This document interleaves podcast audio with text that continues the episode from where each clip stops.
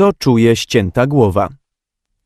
Choć dziś to pytanie wydaje się być nieco nie na miejscu, przez długi okres uczeni i medycy twierdzili, że głowa jeszcze przez krótki czas po zgilotynowaniu zachowuje świadomość. Co więcej, wielokrotnie próbowano to zweryfikować, poddając głowy skazańców różnego rodzaju eksperymentom. Co udało się dzięki nim ustalić? I co poczuł malarz Wierc, kiedy wprowadzono go w transie w rolę skazanego, który leżał tuż pod ostrzem gilotyny? Wczesnym rankiem 18 lutego 1848 roku troje ludzi zeszło na brukselski plac Porte de Hall, gdzie tuż po świcie miała odbyć się publiczna egzekucja. Znaleźli się tam, żeby przeprowadzić przełomowe badania naukowe. Po uprzednim uzgodnieniu z władzami pozwolono im wspiąć się na rusztowanie i czekać obok gilotyny w miejscu, gdzie odcięte głowy dwóch skazańców miały lądować w koszu. Jednym z eksperymentatorów był Antoine Joseph Wiertz, znany belgijski malarz, bardzo podatny na hipnozę Wraz z nim byli jego przyjaciel pan D, znany hipnotyzer oraz kobieta, która pełniła rolę świadka. Tego zimowego dnia celem wierca było przeprowadzenie unikalnego doświadczenia. Od dawna nosił się on z zamiarem sprawdzenia, czy odcięta głowa nadal pozostaje świadoma po zgilotynowaniu. Malarz zgodził się poddać transowi, aby tuż przed egzekucją wczuć się w człowieka skazanego na śmierć. Wierc miał podążać za jego myślami oraz wrażeniami i wyrażać je głośno. Został także poddany sugestii, by szczególną uwagę zwrócić na stan psychiczny podczas ścięcia oraz moment, kiedy głowa wpada do kosza. Plan ten, niezależnie od tego jak bardzo dziwacznie brzmiał, o dziwo zadziałał i to aż za dobrze. Kiedy tylko wóz przewożący skazańców wjechał na plac, wierc wpadł w panikę. Malarzowi wydawało się, że za chwilę ostrze gilotyny rozetnie jego ciało, roztrzaska kręgosłup i przerwie rdzeń kręgowy. Dopiero kiedy wprowadzono morderców na szafot, wierc nieco się otrząsnął i poprosił pana D, aby wprowadził go w kontakt z głowami, kiedy zostaną ścięte. Wszyscy staliśmy i czekaliśmy, nie bez emocji, aż spadną one do kosza, opowiadał jeden ze świadków egzekucji. Podczas gdy tłum zamarł w oczekiwaniu na moment śmierci, stało się jasne, że malarz wciąż zbyt mocno identyfikuje się z jednym ze skazańców. Wierc przejawiał poczucie skrajnego zagrożenia i zaczął błagać hipnotyzera, aby wyprowadził go z transu. Jego poczucie opresji było nie do zniesienia. Było jednak za późno. Ostrze opadło. Zanim powrócimy do tej makabrycznej opowieści, przyjrzyjmy się samemu tłu tych wydarzeń.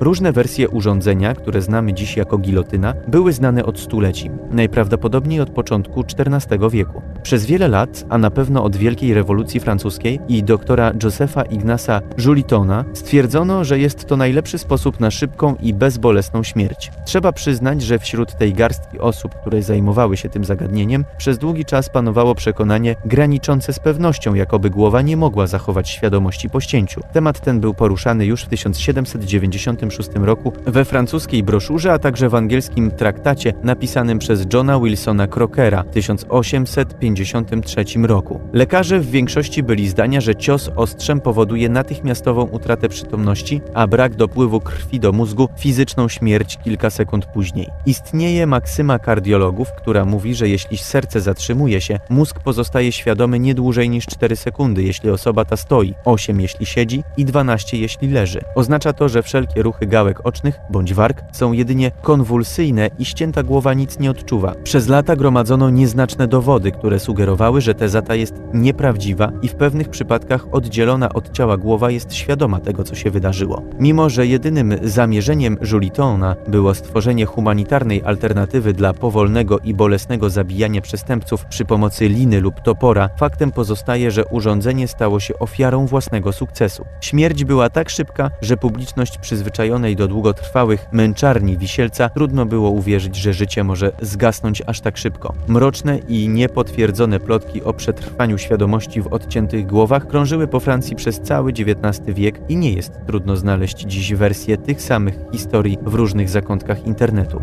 Zwykle są to opowieści o niesamowitych historiach co najmniej dwóch ofiar gilotyny. Znany chemik Lavoisier miał uzgodnić ze swym asystentem, że po egzekucji będzie mrugać tyle razy, ile będzie mógł i faktycznie po ścięciu w 1794 roku asystent potwierdził, że naliczył od 15 do 20 mrugnięć w sekundowych odstępach. Podobnie, gdy Kat podniósł głowę, Charlotte Corday, skazanej za zasztyletowanie Marata, zadał jej ostre uderzenie w policzek. Według świadectwa doktora Su, ta zaczerwieniła się, a na twarzy pojawił się jednoznaczny grymas oburzenia. Żadna z tych opowieści nie opiera się jednak na wiarygodnym źródle. Pomimo tak obserwowanego zainteresowania tym tematem, niezmiernie trudno jest znaleźć wiarygodne źródła dla kilku XIX i wczesno-XX-wiecznych przypadków, w których lekarze, jak się powszechnie twierdzi, przeprowadzali makabryczne eksperymenty, żeby wreszcie rozwikłać zagadkę. Zestawienie kilku takich eksperymentów można znaleźć w mało znanych pozycjach, przykład An Underground Education Richarda Zaxa. Większość tekstów opiera się o historię głowy gwałciciela i nekrofila Pruniera lub historię lekarza, który jedną z obciętych głów napompował psią krwią. Historyk kultury Philip Smith, który analizował kilka takich opowieści, sugeruje, że to coś więcej niż dzikie spekulacje ku zaspokojeniu zapotrzebowania na makabryczne historyjki. I ma w przeważającej części rację. Szczegółowe badania źródeł wskazuje, że co najmniej trzy doświadczenia na odciętych głowach rzeczywiście zostały przeprowadzone we Francji w latach 1879 i 1905, choć ich rezultaty nie były tak spektakularne. Ponieważ przypadki te stanowią przydatny punkt odniesienia do doświadczeń Antua Wierca, warto je wkrótce przedstawić. W dniu 13 listopada 1879 roku ojciec i syn, oboje doktorzy Descanois, byli świadkami wykonania egzekucji na Prunierze, który został uznany za winnego gwałtu, a następnie zabójstwa starszej kobiety w Beavice. Raport w British Medical Journal z 13 grudnia 1879 roku uważa, że lekarze otrzymali bezpośredni dostęp do głowy zabójcy i próbowali pewnych doświadczeń na niej, stwierdzając: Ustaliliśmy, na ile to jest możliwe, że głowa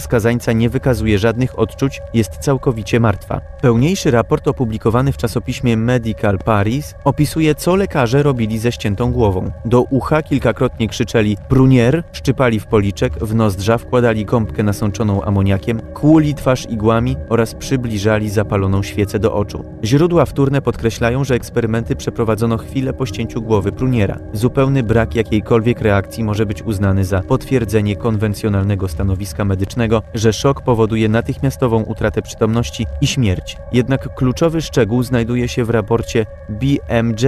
Lekarze otrzymali głowę zabójcy około 5 minut po egzekucji. Sugeruje to, że wynik doświadczenia może być traktowany jako niewiarygodne. Nawet najbardziej optymistyczni zwolennicy poglądu, że głowa po ścięciu pozostaje krótko przy życiu, wskazują, że świadomość trwa nie dłużej niż 15 do 20 sekund. Rok później, we wrześniu 1880 roku, przynajmniej według późniejszej relacji doktora Daci de Ligniera, o którym nic więcej nie wiadomo, eksperymenty przeprowadzono na głowie szczególnie okrutnego mordercy Louisa Menesclow. Menesclow, który zwabił dziewczynkę do swojego pokoju, odurzył, zgwałcił i zabił, był człowiekiem o ograniczonej inteligencji, winnym wielu przestępstw seksualnych, o czym świadczyć miały rozczłonkowane ofiary i noszenie przez mordercę ich fragmentów w kieszeniach. W tym przypadku najwyraźniej Daci Legnier otrzymał głowę trzy godziny po wykonaniu wyroku i podłączył ją do krwioobiegu żywego psa. W wywiadzie dla francuskiej gazety Le Matin lekarz twierdzi, że twarz natychmiast nabrała koloru, wargi nabrzmiały, a rysy zmarłego wyostrzyły się. Dalszy opis jest natomiast najbardziej niezwykły. Wraz z postępem transfuzji nagle, bez wątpienia, przez okres dwóch sekund usta cicho coś wyjąkały, powieki drgnęły, a na twarzy pojawił się wyraz szoku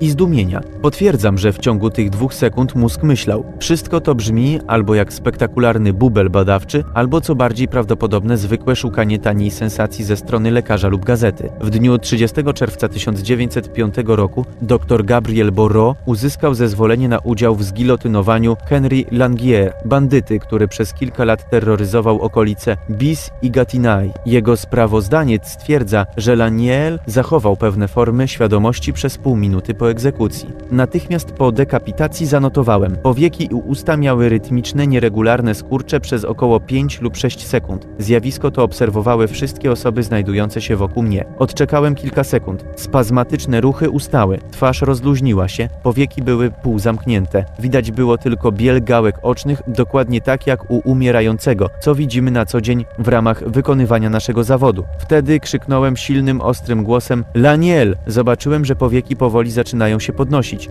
Był to ruch wyraźny i normalny, taki jak w codziennym życiu, kiedy kogoś się budzi ze snu lub wyrywa z zamyślenia. Następnie jego oczy wyraźnie skupiły się na mnie. Straszne. Ta głowa myśli. Nie był to rodzaj pustego, nieświadomego spojrzenia osoby umierającej. Miałem do czynienia z niewątpliwie żyjącymi oczami, które patrzyły na mnie. Po kilku sekundach powieki powoli i równomiernie zamknęły się, a twarz przybrała ten sam wyraz, jaki miała zanim krzyknąłem. To właśnie w tym momencie zawołałem go ponownie i po raz kolejny powoli powieki podniosły się, Niewątpliwie żywe oczy spojrzały na mnie, być może nawet bardziej przenikliwie niż za pierwszym razem. Powieki znowu zaczęły się zamykać, ale nie do końca. Próbowałem krzyknąć trzeci raz, ale nie było żadnej reakcji. Spojrzenie zastygło dokładnie tak jak u martwego człowieka. Opisałem dokładnie to, co byłem w stanie zaobserwować. Wszystko trwało 25 do 30 sekund. Mając na uwadze powyższe wyniki, powróćmy do lutego 1848 roku i Port de Halle w Brukseli, pamiętając, że eksperyment Antoine Wierca wyprzedzał wszystkie trzy opisane doświadczenia o wiele lat. Według biografa Wierca przedmiotem jego eksperymentu był paskudny włamywacz François Rossel, który wraz ze wspólnikiem Julianem van den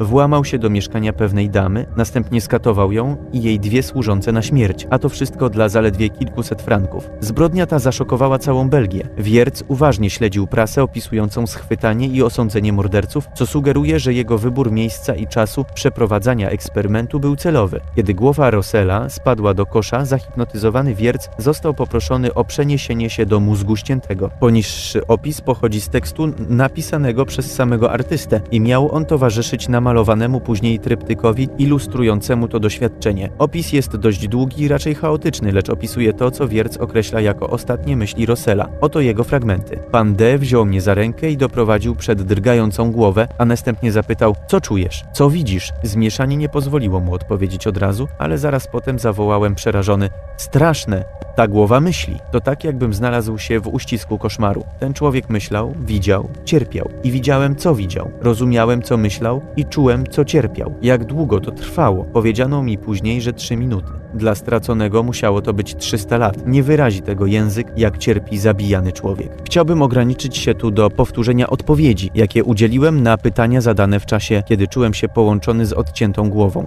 Pierwsza minuta na szafocie. Straszny szum. To dźwięk opadającego ostrza. Ofierze wydaje się, że uderzył w nią pioru na niemetal. Zdumiewające, że głowa leży tutaj pod rusztowaniem, a mimo to uważa, że jest wyżej. Nadal wydaje się jej, że jest częścią ciała i czeka na ostateczne uderzenie, które ją odetnie. Straszne zadławienie. Nie sposób oddychać. Niedotlenienie jest przerażające. Jakby jakaś nadprzyrodzona dłoń zaciskała się na głowie i szyi. Och, jeszcze straszniejsze cierpienia są przed nim. Chmura ognia przechodzi przed jego oczami. Wszystko jest czerwone i skrzy się. Druga minuta pod szafotem. Teraz przychodzi moment, kiedy człowiek myśli, że wyciąga drżące ręce w kierunku głowy. Jest to ten sam instynkt, który prowadzi nas do przyłożenia dłoni do krwawiącej rany. Dzieje się tak ze strasznym zamiarem, aby umieścić głowę na tułowiu, aby zachować trochę krwi, trochę życia. Delirium podwaja jego energię i siłę. W jego wyobraźni wydaje się, że głowa jest w ogniu i obraca się, że wszechświat zapada i wiruje, że pojawia się fosforyzująca ciecz łącząca się z czaszką.